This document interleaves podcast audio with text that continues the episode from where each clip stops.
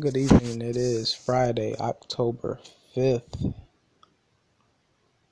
Praying for each and every one of you and hoping uh, that you are well and in peace and that you are striving to become who God intended for you to be. Listen, you have what it takes. You have what it takes. So often we get discouraged and we deal with life and discouragement sometimes hinders us from being productive, from being creative, from um, being purposeful.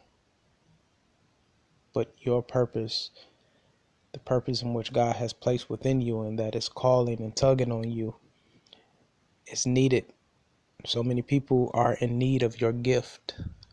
And if you do not put your gift into the world, your gift will not come to surface. So I want to tell you that do what you're created to do. You have what it takes. How do I know that? Because God, the being in which created you, is not short of talent, not short of gifts, not short of supplying. And He has placed within His creation, you and I, some abilities to um, influence and power the world. Great creators are those who have taken advantage of the gifts in which was placed on the inside of them, seeing a need in the world and saw fit to bring that into fruition. You have what it takes. How do I know? You're great. You're powerful. You're there, authoritative. You're persuasive.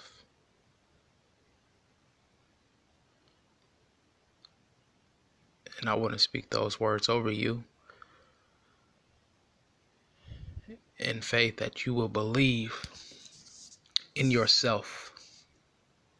So much so that this will be the last day that you sell yourself short and that you uh, discount your gift, discount your ability. I want to encourage you to move towards all that God has for you. Your creative genius, your innovation, your ingenuity, it's there your ability to be influential, it's there. God is pulling out of you now your greatest gifts. Don't discount yourself, don't sell yourself short, but walk into the authority in which God has given you that you may begin to unfold the next chapter of your life and find out that this chapter is greater greater than you could ever conceive within the framework of your psyche. You have what it takes. I believe it. I know that you believe it. Now act on it. Your belief becomes your behavior, behavior becomes your actions. You have what it takes. Stop meandering in mediocrity and begin to produce the process that will lead to your prosperity, that will lead to your becoming, that will lead to the next design. Entrepreneurship is written all over you. To be a publicist is written all over you. That vision that God has given you,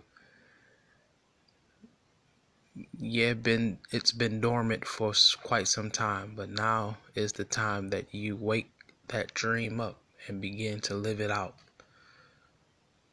Somebody is waiting on your next creation. Somebody is waiting on your next book. Waiting on your next great idea. Waiting on your next ministry to the world. So go ahead and be you. Be great. Live in authority, live in dominion. And if you're concerned with the lack of resources, I want to remind you that God is the source. And if God is the source, God has supplied the world with everything you need. You're not short of supplies.